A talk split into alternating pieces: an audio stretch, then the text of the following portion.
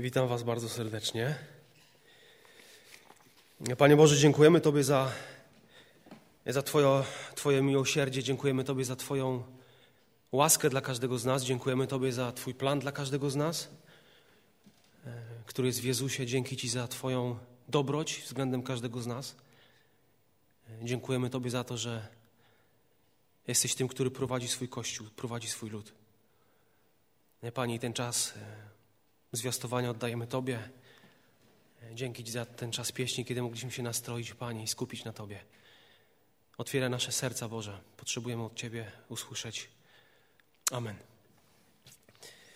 Chciałbym, żebyśmy otworzyli Księgę Ród i od dzisiejszej niedzieli przez kilka kolejne następne będziemy, będę chciał omawiać tą księgę. To będzie kilka kazań. To jest niezwykła księga, Księga Ród, ósma księga Biblii. Cztery rozdziały, 85 wersetów.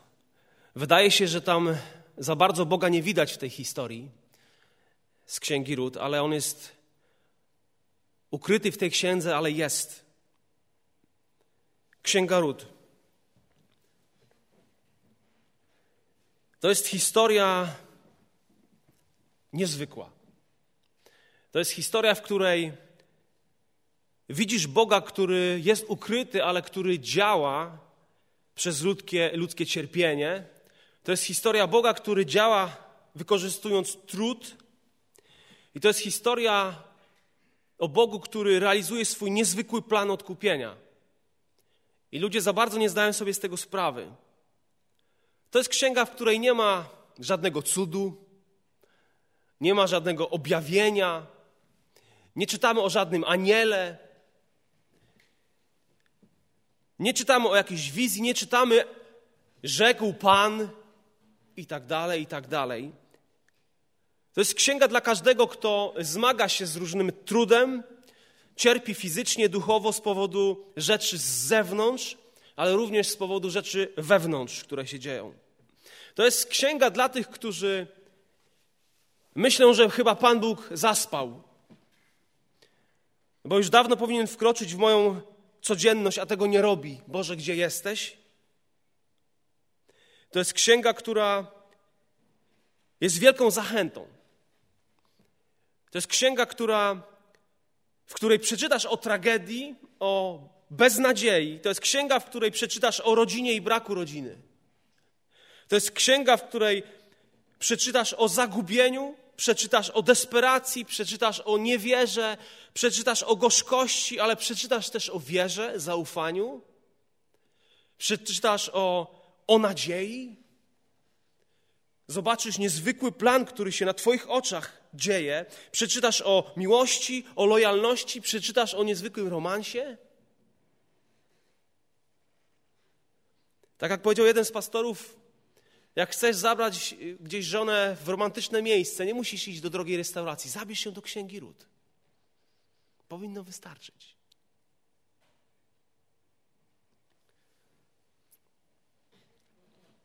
Księga Ród. Jeden z komentatorów, pozwólcie, że przytoczę to, co powiedział. Czarnej Księgi świetnie ilustruje pewne wydarzenie związane z Benjaminem Franklinem, amerykańskim mężem stanu i wynalazcą. Kiedy służył on na dworze francuskim, słyszał, jak niektórzy arystokraci z pogardą wypowiadali się na temat Biblii, uznając ją za niegodną czytania, słabą, gdy chodzi o styl. Choć sam nie był wierzącym, młodość spędził w amerykańskich koloniach i ten czas wyczulił go na doskonałość Biblii jako dzieła literackiego. Postanowił nieco się zabawić kosztem Francuzów. Ręcznie przepisał Księgę Ród, zmieniając wszystkie nazwy własne na nazwy francuskie. Następnie przeczytał swój manuskrypt zgromadzonej francuskiej elicie. Wszyscy zachwycali się elegancją i prostotą stylu tej poruszającej historii. Harman, gdzież pan znalazł taką perłę literatury, Monsieur Franklin? I wtedy Franklin odpowiedział: Pochodzi ona z księgi, którą tak bardzo pogardzacie. Odpowiedział: La Sainte Bible. Tej nocy w Paryżu zaczerwieniła się niejedna twarz.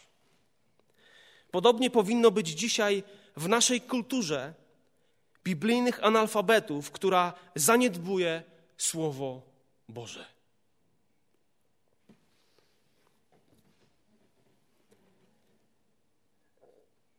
Czasach, gdy rządzili sędziowie, nastał głód w kraju.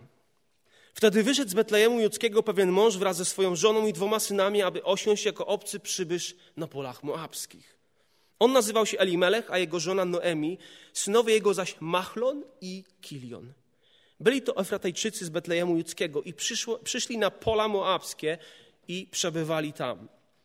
Potem umarł Elimelech, mąż Noemi, pozostała ona sama wraz z dwoma swoimi synami. Ci wzięli sobie za żony Moabitki. Jedna nazywała się Orpa, a druga nazywała się Rut. I mieszkali tam około dziesięciu lat. Gdy obaj, Machlon i Kilion też umarli, pozostała ta kobieta osierocona bez obu swoich synów i bez męża. Wtedy wybrała się wraz ze swoimi synowymi i wróciła z pól moabskich, gdyż usłyszała na polach moabskich, że Pan ujął się za swoim ludem i dał im chleb. Wyszła tedy z miejscowości, w której przebywała, a wraz z nią obie jej synowe i wybrały się w drogę powrotną do ziemi judzkiej. Wtedy rzekła Noemi do obu swoich synowych, idźcie, powróćcie każde do domu swojej matki. Niech Pan okaże wam dobroć, jak wy okazałyście zmarłym i mnie. Niech Pan sprawi, aby każda z was znalazła dom u boku swojego męża i pocałowała je. A wtedy ono głośno zapłakały. I rzekły do niej, my z Tobą wrócimy do Twojego ludu. Lecz Noemi odpowiedziała, zawróćcie, córki moje, po cóż macie iść ze mną? Czy mogę jeszcze urodzić synów, którzy by zostali waszymi mężami? Zawróćcie, córki moje, i idźcie, gdyż jestem za stara, aby wyjść za mąż, a choćbym nawet pomyślała, że jest jeszcze nadzieja, a nawet choćbym tej nocy wyszła za mąż i od razu urodziła synów, to czy wy czekałybyście, aż do, dorosną? Czy miałybyście wyrzec się ponownego za mąż pójścia? Nie, córki moje, boć wielką gorycz mam w duszy ze względu na was, że przecież mnie zawróciła się, przeciw mnie zawróciła się ręka Pana, zwróciła się ręka Pana. Lecz one jeszcze głośniej zapłakały. Potem Orpa ucałowała swoją teściową, lecz Ród pozostała przy niej. Następnie rzekła Noemi, oto twoja szwagierka wraca do swojego ludu i do swojego Boga. Zawróć i ty za swoją szwagierką. Lecz Ród odpowiedziała, nie nalegaj na mnie, abym cię opuściła i odeszła od ciebie. Albowiem dokąd ty pójdziesz i ja pójdę, gdzie ty zamieszkasz i ja zamieszkam. Lud twój, lud mój, a Bóg twój, Bóg mój. Gdzie ty umrzesz, tam i ja umrę, i tam pochowana będę. Niech mi uczyni Pan cokolwiek zechce, a jednak tylko śmierć odłączy mnie od ciebie. Noemi, widząc, że tamta obstaje przy tym, aby iść z nią, zaniechała z nią dalszej rozmowy i szły obie, aż doszły do Betlejemu. A gdy doszły do Betlejemu, powstało z powodu nich w całym mieście wielkie poruszenie i kobiety mówiły, czy to jest Noemi?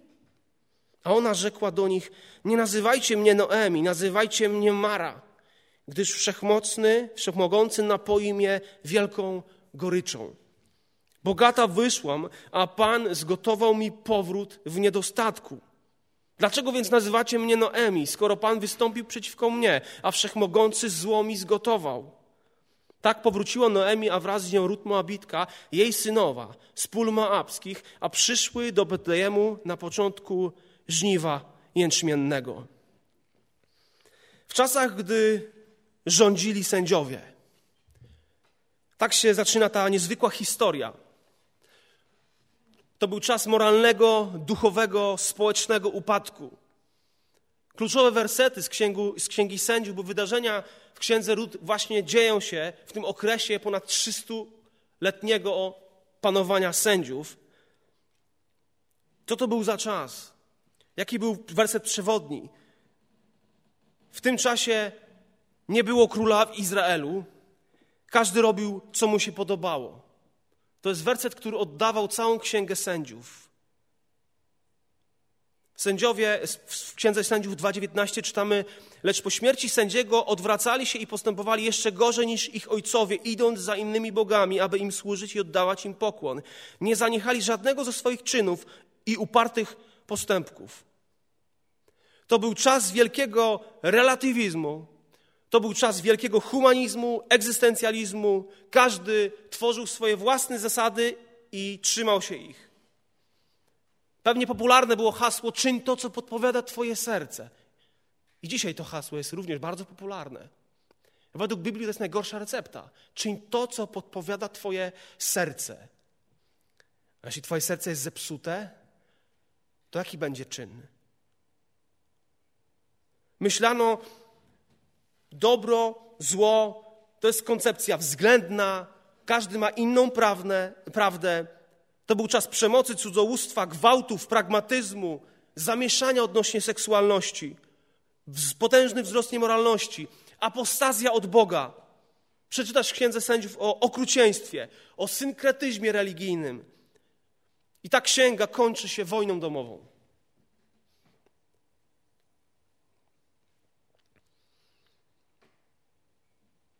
Ludziom było dobrze, mieli wszystkiego pod dostatkiem, zaczęli odchodzić od Boga. Pan Bóg wysyłał jakiś naród, który najeżdżał Izraela.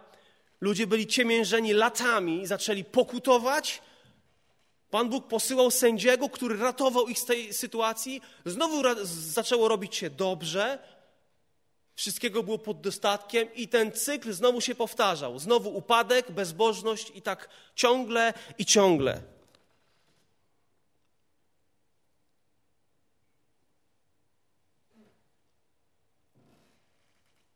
2.15. Dokądkolwiek wyszli, wszędzie tam była ręka pańska przeciwko nim na ich nieszczęście. Jak zapowiedział Pan i tak im poprzysiągł i utrapił ich bardzo. Kiedy pokolenie, kiedy Mojżesz umarł, pokolenie złego umarło, zaczęły rodzić się dzieciaki, które nie znały Boga. To był straszny okres wielkiego rozpadu. I Pan Bóg wielokrotnie mówił na temat skutków posłuszeństwa i skutków nieposłuszeństwa. W czasach, gdy rządzili sędziowie, nastał głód w kraju.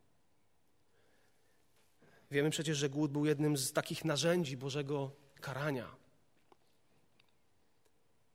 Pan Bóg obiecał, że będzie robił to, co powiedział. Jest głód, nie ma jedzenia. Nieraz mówimy, umieram z głodu, coś bym zjadł. Myślę, że nie mamy pojęcia, czym jest głód. Może niektóre osoby starsze w naszej wspólnocie pamiętają czasy, kiedy naprawdę nie było jedzenia. Czasy wojny, kiedy, kiedy ludzie głodowali, kiedy ludzie umierali z powodu głodu. Ale jeżeli jest Bóg, to nie ma zbrodni bez, bez Jego kary. Jeżeli jest Bóg, to nie ma zbrodni bez kary. Bóg wyraźnie powiedział: nie, be, nie błądźcie, Bóg nie da się z siebie naśmiewać. Co siejesz, to zbierzesz. Księga Sędziów jest o tym. W piątej księdze Mojżeszowej powtarzał Pan Bóg przez Mojżesza, mówił o skutkach posłuszeństwa, skutkach nieposłuszeństwa. Ale wiecie co? Głód w tym kraju, wiecie co oznaczał? Głód w tej ziemi oznaczał potężny głód, potężną suszę w sercach Izraelitów. I to był problem. Ta rodzina, o której przeczytaliśmy, wyszła z Betlejemu. Wiecie, słowo Betlejem znaczy dom chleba. W domu chleba nie było chleba.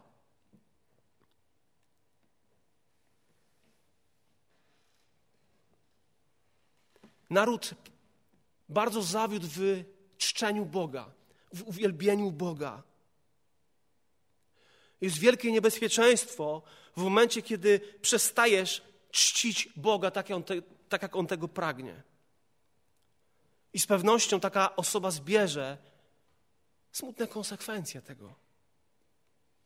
Duchowa śmierć, która dzieje się w sercach tak wielu ludzi, ma związek z, niejednokrotnie z fizyczną śmiercią.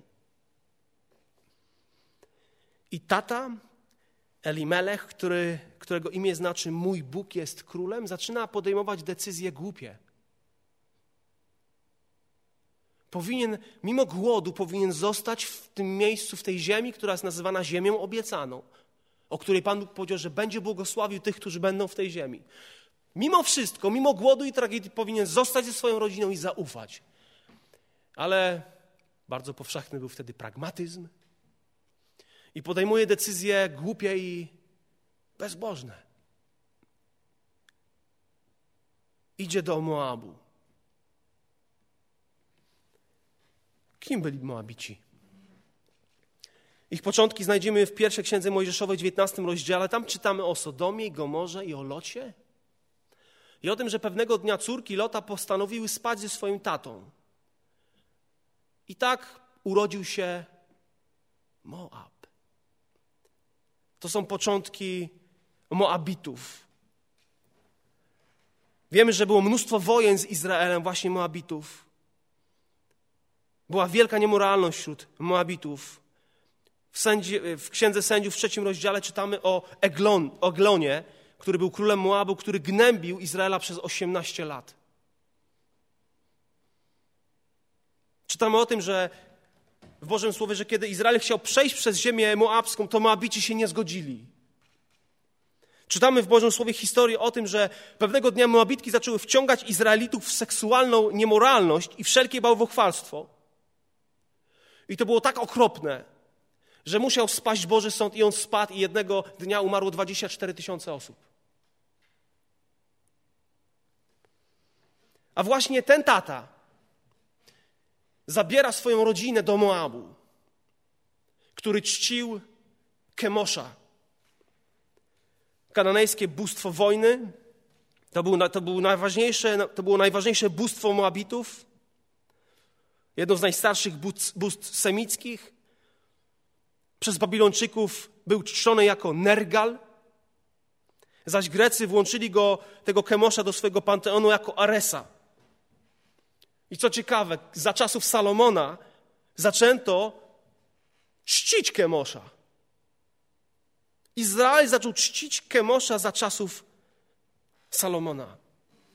I ten, którego imię mój Bóg jest królem, zamiast cokolwiek w jakiś sposób iść w kierunku Pana Boga, to idzie w zupełnie odwrotnym kierunku. Trzeba coś zrobić, trzeba zadziałać. No, jestem odpowiedzialny za moją rodzinę. Nie ufał. Powinien uwielbić Boga, ale był nieposłuszny. Pamiętajmy, że najwyższą formą uwielbienia jest posłuszeństwo. Łatwo jest wielbić Boga i mówić: Panie, jesteś moim Bogiem, jesteś moim królem, kiedy wszystko gra, ale co innego, kiedy wszystko się wali, prawda? Co innego, kiedy zaczyna być głód. Czasy, w których Elimelech żył ze swoją rodziną, to, tak jak mówiłem, był kompromis, pragmatyzm. I te rzeczy, wiecie, wołały o jego uwagę. Skorzystaj z nas. Być może powinien zrobić to, o czym czytamy w przypowieściach Salomona 3:5. Zaufaj Panu z całego swojego serca i nie polegaj na własnym rozumie. Pamiętaj o nim na wszystkich swoich drogach, a on prostować będzie Twoje ścieżki. Nie uważaj się sam za mądrego, bój się Pana i unikaj złego. To wyjdzie na zdrowie Twojemu ciału i odświeży Twoje kości. I oni wychodzą wychodzą z domu chleba, które było w Judzie, a Juda znaczy chwała, czyli z domu chwały i z domu chleba i idą do domu niemoralności. Ale czytamy potem umarł Elimelech. Mąż Neemi to są teraz wersety, bardzo suche fakty i smutne fakty. I pozostała ona sama wraz z dwoma swoimi synami. I czytamy o kolejnych błędach, Otóż Machlon i Kilion słyszeli tyle o Moabitach, o tym, że Izrael nie powinien się łączyć z nimi, ale o co oni robią? Błędy ojca zaporządkowały ich własne błędy. Wzięli sobie za żony Moabitki. Trzy, od, wersety od 3 do 5 to, są, to jest tragedia za tragedią.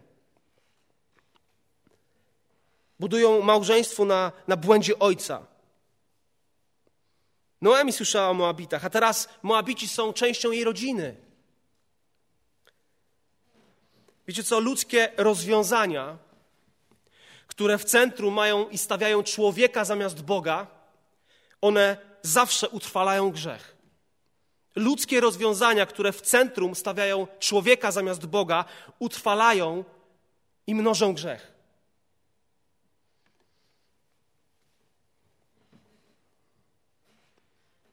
Moab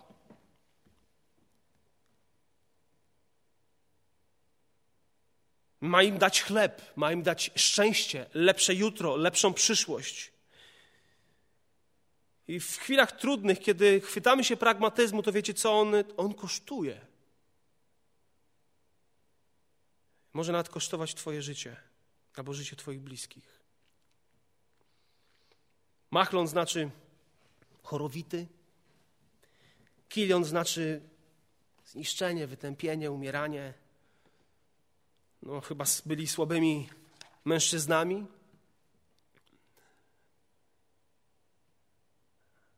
Ród znaczy przyjaźń.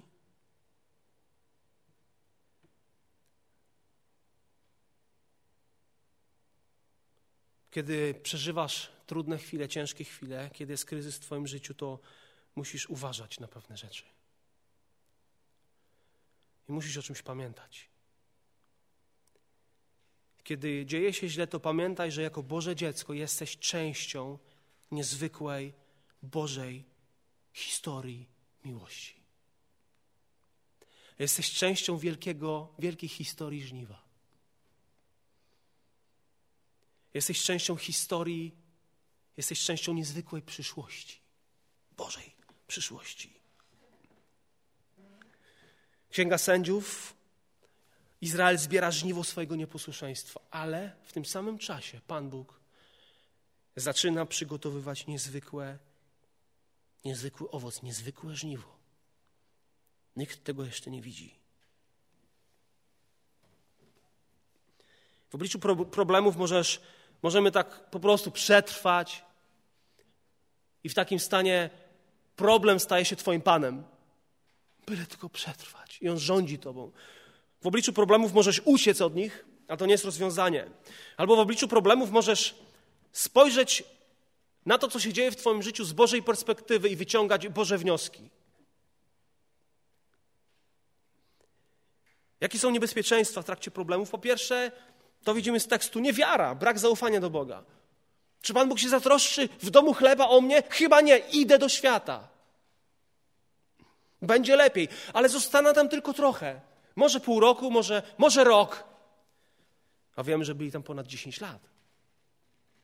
Chyba tak nie miało być. Elimelech chodził nie w wierze, ale w oglądaniu. Elimelech nie był skupiony na tym, co jest duchowe, ale na, fiz- na tym, co jest fizyczne. Dotknij chleb, posmakuj. Uhonorował nie Boga, ale swojego wroga. I konsekwencje opuścili Judę, chwałę. I on wyszedł z, z, z Betlejemu, aby uciec śmierci, a spotkał śmierć tam, gdzie poszedł.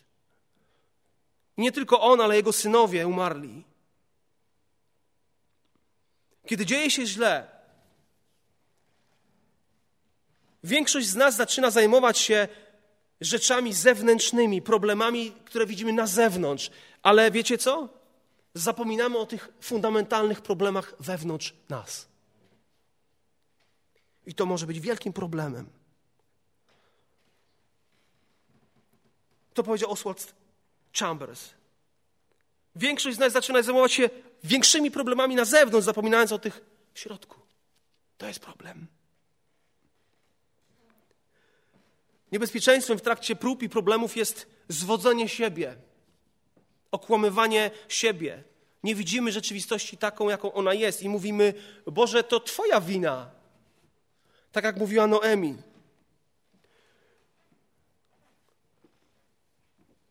To przez Ciebie to wszystko spadło na mnie. Gdzie Ty byłeś, kiedy pola nie rodziły? Ty za to odpowiadasz. I można sobie wkręcać różne nieprawdy, oskarżać ludzi, ale tak naprawdę w tym oskarżeniu ludzi często jest tam głęboko oskarżenie Boga. I od tego się zaczyna problem. Jest wielkie niebezpieczeństwo w trakcie prób i problemów, to jest niebezpieczeństwo gorzkości.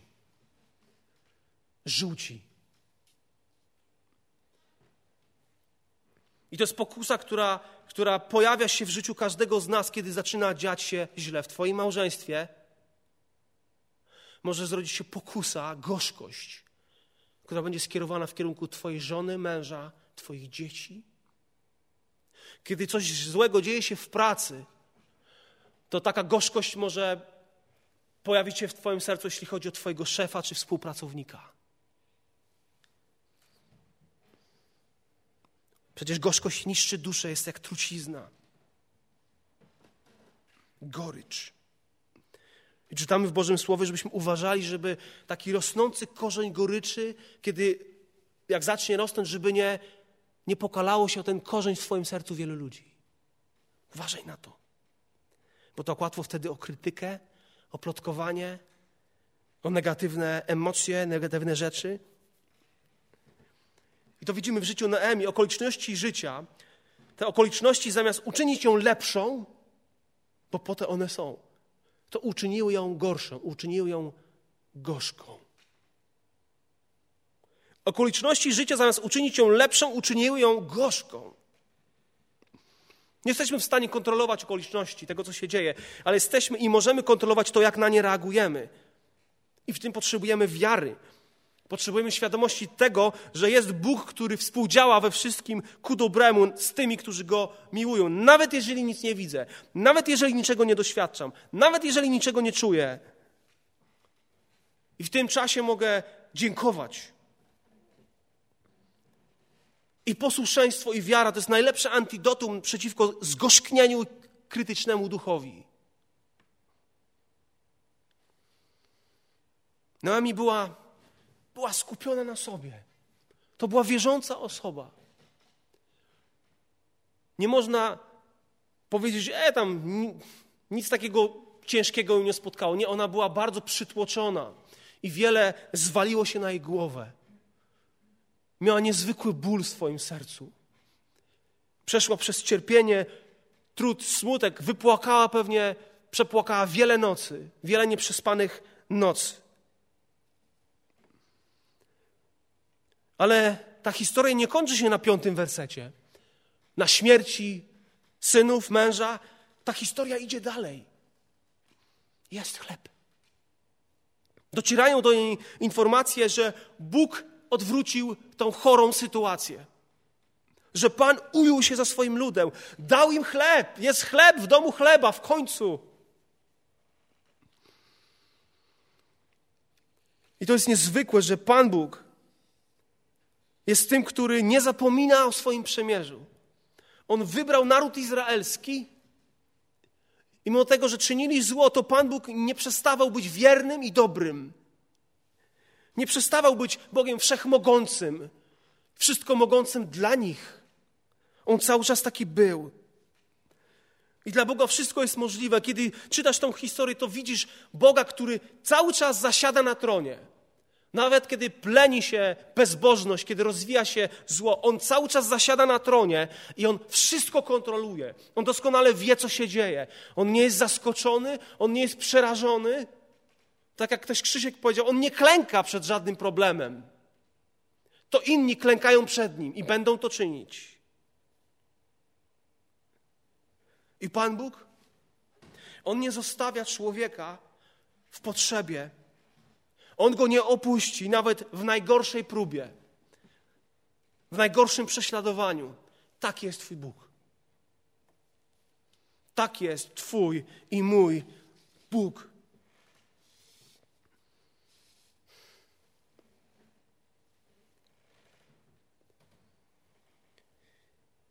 I kiedy życie ciebie przyciska, kiedy masz wrażenie, że jesteś w takiej prasie, która ciebie ściska jak oliwkę, zwracaj się do Boga. Gdy życie ciebie rozczarowuje, kiedy wyciska łzy, bądź posłuszny Bogu. Nie idź na kompromis. Bóg ciebie nie zostawi. Pamiętaj, że to, co nas ratuje, to nie okoliczności, to nie nasze pieniądze, Ale naszym ratunkiem jest, jest Bóg. Jest wszechmogący. El Shaddai. Przecież ci Izraelici tyle zła czynili. Dlaczego Pan Bóg ich po prostu nie zniszczył? Mógł się wkurzyć, zdenerwować, powiedzieć dość. Zrównałby z ziemią ten, wszystko, co ci ludzie zrobili. Pozbawiłby ich życia. Wybrałby inny naród. Ale Pan Bóg w piątej księdze Mojżeszowej, w siódmym rozdziale mówi tak, gdyż Ty jesteś świętym ludem Pana. Boga Twego. Ciebie wybrał Pan Bóg Twój spośród wszystkich ludów na ziemi, abyś był Jego wyłączną własnością. Nie dlatego, że jesteście liczniejsi niż wszystkie inne ludy. Przylgnął Pan do Was i Was wybrał, gdyż jesteście najmniej liczni ze wszystkich ludów. To jest niezwykły ten wybór Bożej łaski. Właśnie ten naród, właśnie ci ludzie, właśnie ta rodzina. I on wybrał tych, którzy nie byli godni, nie zasługiwali na to. To jest jego łaska. Kiedy patrzysz na tą historię, widzisz trud, widzisz brak zaopatrzenia, ale z drugiej strony widzisz, że, że czytając dalej, że zaczyna się dziać coś niezwykłego że z takich naturalnych, zwykłych rzeczy nagle na Twoich oczach, kiedy czytasz tą księgę, powstaje coś supernaturalnego, coś niezwykłego. Tak jest Bóg. Ma taką zdolność z rzeczy zwykłych czynić niezwykłe sprawy, z rzeczy, z, z ludzi zwykłych. Tworzyć prawdziwych mężów Bożych, kobiety i On ich włącza do swojej historii zbawienia.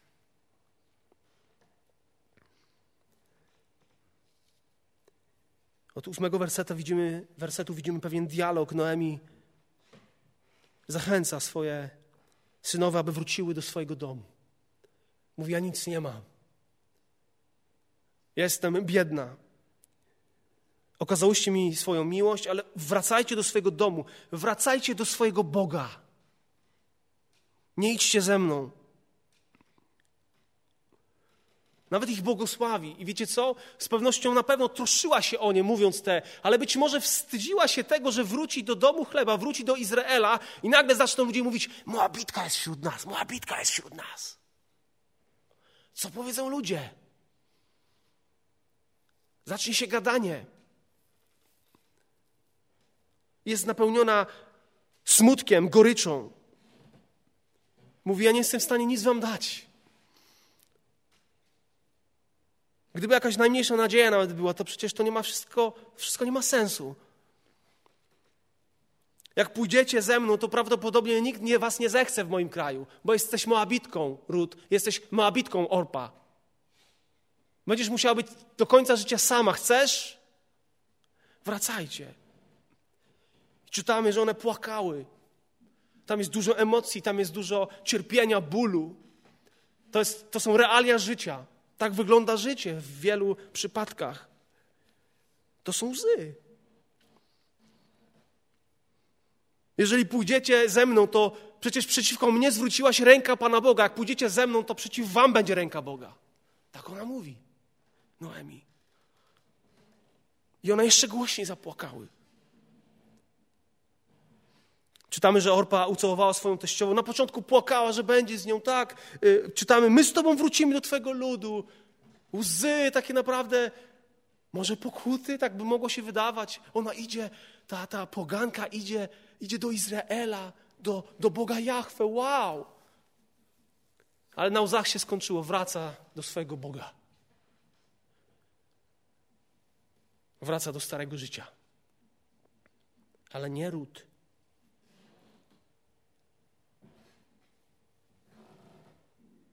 Wersety 16 i 17 to jest piękna historia nawrócenia ród. To są jedne z najszlachetniejszych słów, jakie może w ogóle poganin wyrzec, jakie zostały powiedziane w Biblii. Kiedy po raz trzeci Noemi mówi do, do Ród, przecież twoja szwagierka poszła, idź z nią, wracaj do swojego Boga, wracaj do swojej rodziny. Ona mówi, lecz Ród, nie nalegaj na mnie. Nie nalegaj na mnie, abym Cię opuściła i odeszła od Ciebie. Albowiem dokąd Ty pójdziesz, ja pójdę. Widzisz niezwykłą lojalność tej poganki, Ród. Z pewnością słyszała z ust swojej teściowej o wielkim Bogu Izraela. I w jej sercu zaczynało się rodzić pragnienie, aby być blisko tego Boga, aby być w tym ludzie i blisko tego ludu, który jest błogosławiony przez Boga. Nie nalegaj na mnie, albowiem dokąd Ty pójdziesz, i ja pójdę. Ja wiążę swoje życie z Twoim życiem. Gdzie Ty zamieszkasz, i ja zamieszkam. Nawet jeżeli mam zostać sama do końca życia, być takim trochę marginesem, to ja chcę być tam, gdzie jest Ty i Twój Bóg. To ja chcę być blisko tego narodu, który jest błogosławiony przez Boga. Nie dbam o to. Ja ufam mojemu Bogu. Lud Twój, lud mój. Bóg Twój i Bóg mój. Jeżeli ktoś zwraca się w kierunku Boga, w tym samym momencie zwraca się w kierunku Jego ludu. Kto, kto jest Twoim kościołem? Do kogo należysz? Jeżeli kochasz Boga, to zawsze zwracasz się w kierunku Jego ludu również. Ona zaufała Panu Bogu. I ona dalej mówi, gdzie Ty umrzesz, tam i ja umrę. Wiecie, w tych czasach starannie szukano miejsca pochówku. To było coś ważnego dla każdego.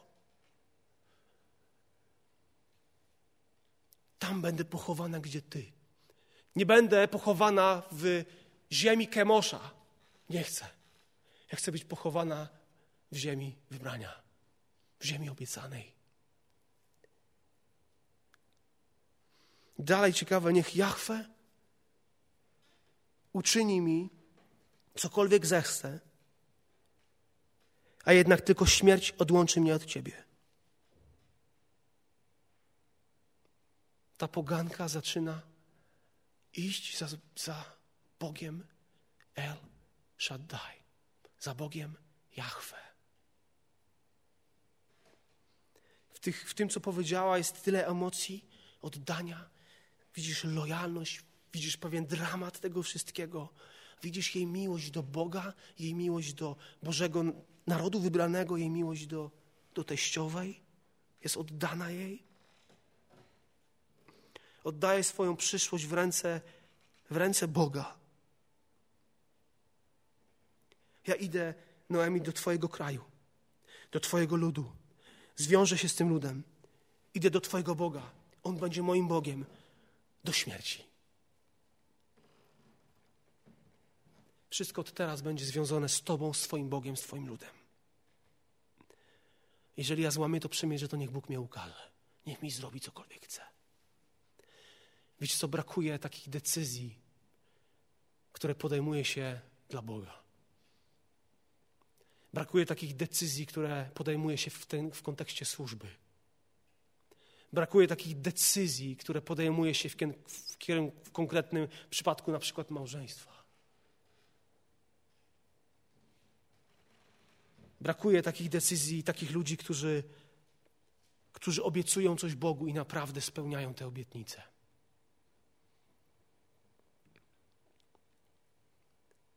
W końcu, kiedy Naomi zobaczyła, że nic nie wskóra,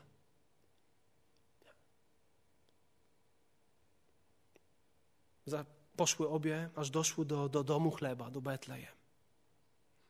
I kiedy, kiedy to się stało, to czytały, czytamy o wielkim poruszeniu w całym tym mieście. Z pewnością ona, jej mąż, oni byli dobrze znani w tym mieście. Oni mieli bardzo wysoką pozycję, byli dobrze usytuowani, bogaci. Mieli wpływy z pewnością, bo, bo całe miasto się poruszyło, wszyscy zaczęli rozpoznawać i być może ona była, Noemi była tak, tak zniszczona przez te 10 lat, że ludzie jej nie rozpoznawali. Wychodziła jako, jako słodycz, bo to znaczy jej imię. A teraz wygląda jak taka gorycz. I sama o tym mówi. Nie nazywajcie mnie Noemi. Nie ma Noemi. Moje życie sprawiło, że nie ma Noemi. Jest gorzkość, to jest moje imię.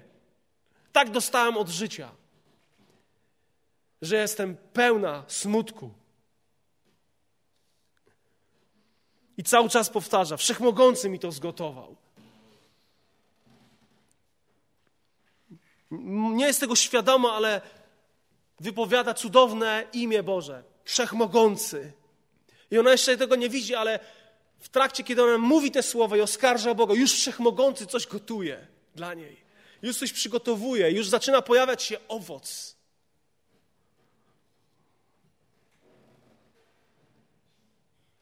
Nie ratują nas okoliczności, lepsi ludzie, pieniądze, ale ratuje nas Bóg.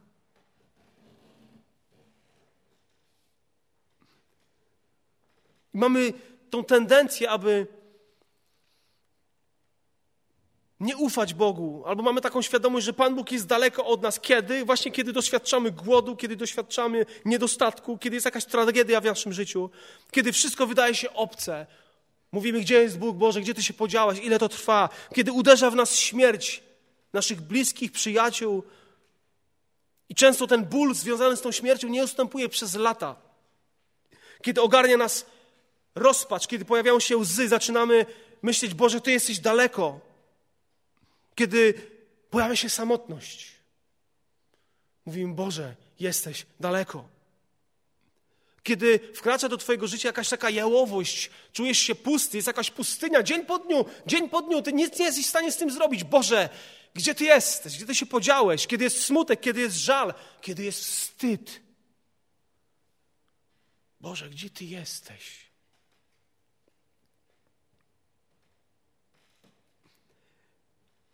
Ale chcę Ci powiedzieć, że cierpienie, smutek nigdy nie jest końcem życia Bożych dzieci.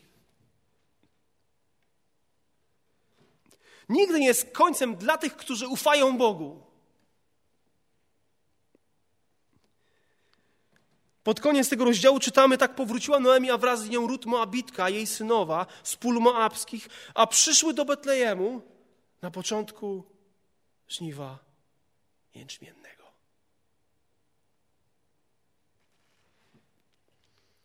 Powracają w okresie pierwocin. A wiecie, że to jest obraz zmartwychwstania Jezusa.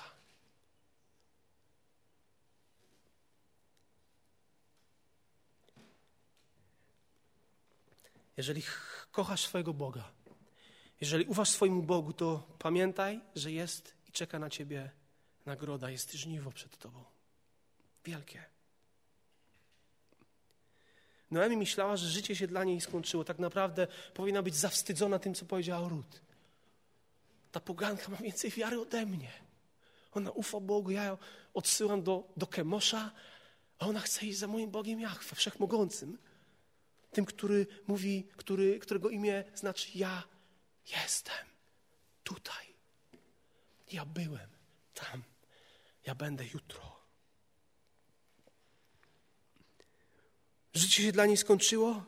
Ona nie ma świadomości tego, że życie teraz się zaczyna dla niej. Zostawiła trzy groby w ziemi Kemosza, ale sama żyje, powinna być wdzięczna, powinna powiedzieć: Boże, ale ja żyję, dzięki Ci. Bóg ją ocalił. Ma za co dziękować. I właśnie jej próby niepowodzenia stają się nowym początkiem wraca do Betlejem i tam ma przyjaciół, pamiętają ją. To są takie skarby czekające na nią. I Noemi nie zdaje sobie sprawy z tego, że największy skarb jest bardzo blisko niej. Tym skarbem jest ród. A największym skarbem jest El Shaddai, którego na razie nie potrafi dostrzec. Widzi go tylko jako karzącego Boga. Ród, niezwykła historia kobiety. Niezwykłe nawrócenie. Najpierw tragedia. Ta tragedia jest przecięta niezwykłym nawróceniem, zwróceniem się do, w stronę Jachwa i potem jest powrót do domu, do Betlejem.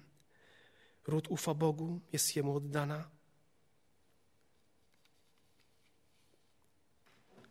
Słowo Pan jest wspomniane 25 razy w tych czterech rozdziałach. Księgi Ród.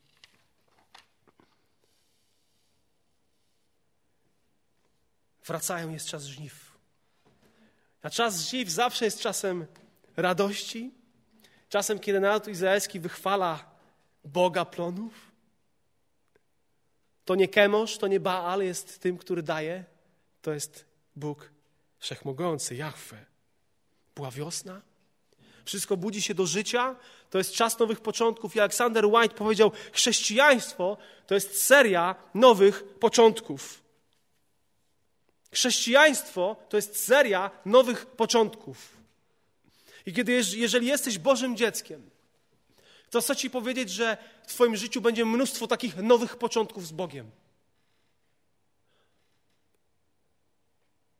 Chrześcijaństwo to jest seria nowych początków. Dla Noemi to jest nowy początek. Ona tego nie widzi, ale już niebawem.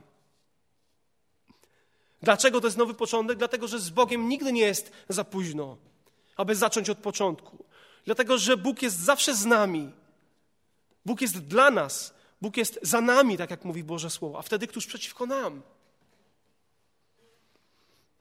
Kiedy dochodzimy do ściany, to przestań się patrzeć na tą ścianę przez wiarę przebijaj ją, idź dalej, wstawaj, otwieraj drzwi, idź do swojego lepszego jutra. I kiedy widzisz tą, tą rozpoczynasz tą księgę, czytanie tej niezwykłej historii, tak naprawdę historii ród, to widzisz, że na początku jest tragedia i głód, ale pod koniec tego rozdziału jest żniwo. Czytasz w tej w tym pierwszym rozdziale o ziemi obiecanej, ziemi obietnicy, ale też czytasz o ziemi kompromisu, pogaństwa i zepsucia. Widzisz dwie synowe, widzisz Orpę, która wraca do swojego starego życia. Wydawałoby się, że idzie za Bogiem, płacze nawet. Ja chcę być tam, gdzie Twój lud, ale mija trochę czasu i idzie, wraca. I widzisz też Ród, która została wszystko to, co stare. I idzie w nieznane, ale idzie z Bogiem.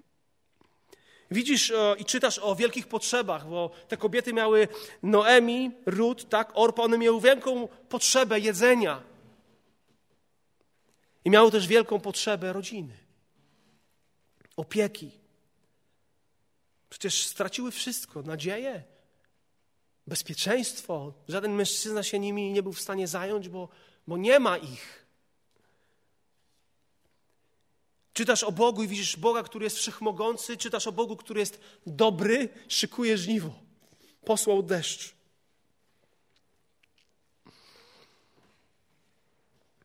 Widzisz Boga, który w swoim suwerennym zamiarze, planie, projekcie tak sprawia, że z takiej tragedii przygotowuje niezwykły triumf.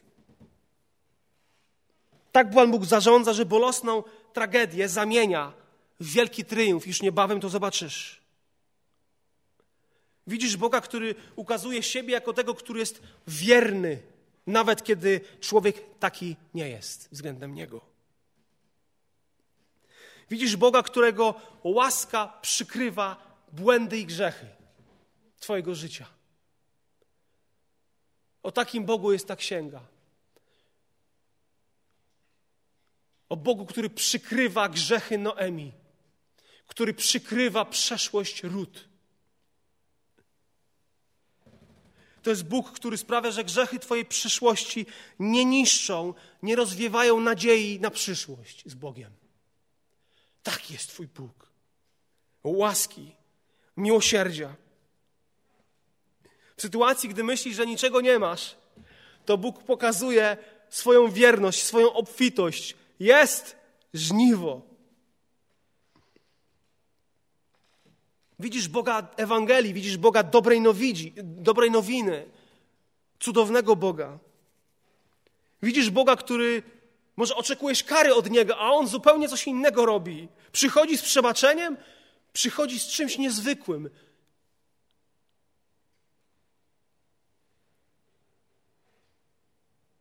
Widzisz Boga nie tylko łaski, ale widzisz Boga miłosierdzia. Widzisz Boga, który przezwycięża smutek. Może jest wiele dni czekania w Twoim życiu. Jesteś cierpliwa w pewnych sytuacjach, ale nic się nie dzieje, ale wiedz, że pewnego dnia Bóg zacznie w taki sposób działać, że to zobaczysz. On już działa. Ty może tego nie widzisz. To jest historia pięknego nawrócenia. Moabitki Rut. I z powodu tej decyzji, z powodu tych słów, pójdę tam, gdzie Ty. Twój lud, mój lud, Twój Bóg, mój Bóg. Z powodu tych słów Pan Bóg w przyszłości zrobi coś niezwykłego. Przeczytamy o tym później. Był głód, jest żniwo. Była rodzina, potem samotność, wdowieństwo. Ale już niebawem będzie kolejna rodzina. Czytasz o śmierci, o pogrzebach, ale teraz widzisz wesele, żniwa, życie, nowe początki. To, co Bóg ma dla ciebie najgorszego, tak nam się wydaje. Ale pamiętaj, to, co Bóg ma dla ciebie najgorszego, jest lepsze od tego, co diabeł ma, czy świat dla ciebie najlepszego. To, co Bóg ma dla ciebie najgorszego, jest lepsze od tego, co diabeł czy świat mają dla ciebie najlepszego. Boże najgorsze jest lepsze niż najlepsze diabelskie. To jest z naszej perspektywy najgorsze. Z jego jest zupełnie inaczej to wygląda.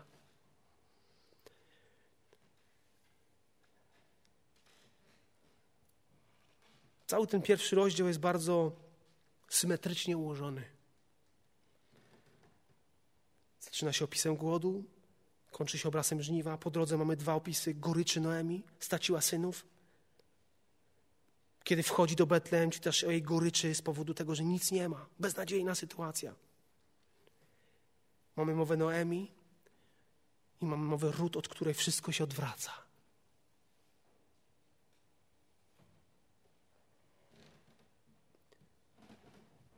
Od tego niezwykłego wyboru Rut losy tej rodziny się zmieniają.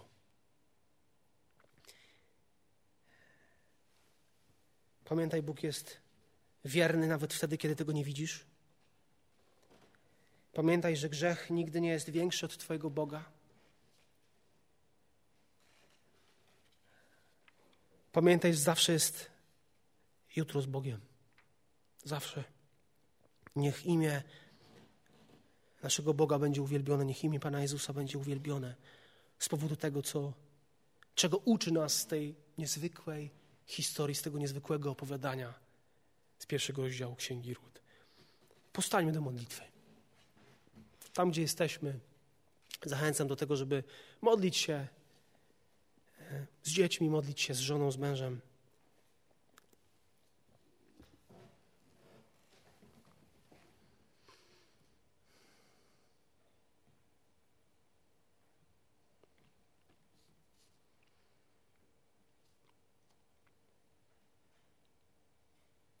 Panie, chcę Ci podziękować, że, że po burzy jest, wychodzi słońce. Panie, dziękujemy Tobie za to, że jesteś w stanie zamienić naszą gorycz w radość i wdzięczność. Panie, dziękujemy Tobie za to, że jesteś cały czas Bogiem suwerennym, siedzącym na tronie, nawet kiedy wszystko na tym świecie się wali. Panie, Ty jesteś niezmienny.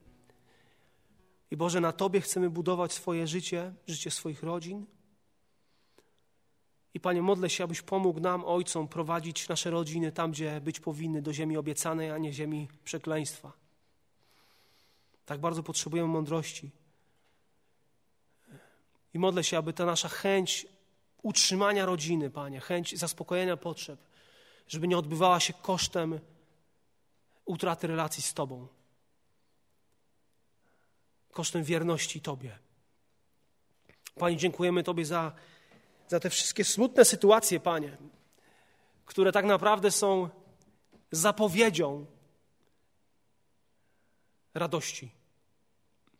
Panie, dzięki Ci za kryzysy, które powodują, że możemy Tobie ufać, wiara nasza wzrasta. Dzięki Ci za kryzysy, które powodują, że, że świat może widzieć i się uczyć. I Panie, dzięki Ci za to, że te kryzysy powodują, że mając wiarę możemy wzrastać w naszym chrześcijańskim charakterze. Dziękujemy za Twoją dobroć względem Twoich dzieci. Panie, dziękujemy Tobie za to, że Ty nie zapominasz, że Ty nie zostawiasz. I dzięki Ci, że do Ciebie można wracać. Do Ciebie trzeba wracać. Panie, dziękujemy Tobie za przyszłość, którą, która jest pewna dla każdego Twojego dziecka. Dzięki Ci, że cierpienie, smutek nie jest końcem nas, naszym. Dzięki Ci za nowe niebo, nowe, nową ziemię. Dzięki Ci za nowy Jeruzalem. Dzięki Ci za miejsce w niebie, które przygotowujesz dla każdego Twojego dziecka. Panie, dzięki za to, że możemy dzisiaj być wdzięczni za to, co mamy, mimo tego, czego nie mamy. Że możemy być wdzięczni za to, jakie zdrowie mamy, jakich przyjaciół mamy, jaki kościół mamy, jakiego, jakich rządzących mamy. Że możemy widzieć, jak wszystko budzi się do życia na dworze, Panie, mimo tego, że musimy siedzieć. Panie, jesteś dobry. Niech Tobie będzie chwała. Amen.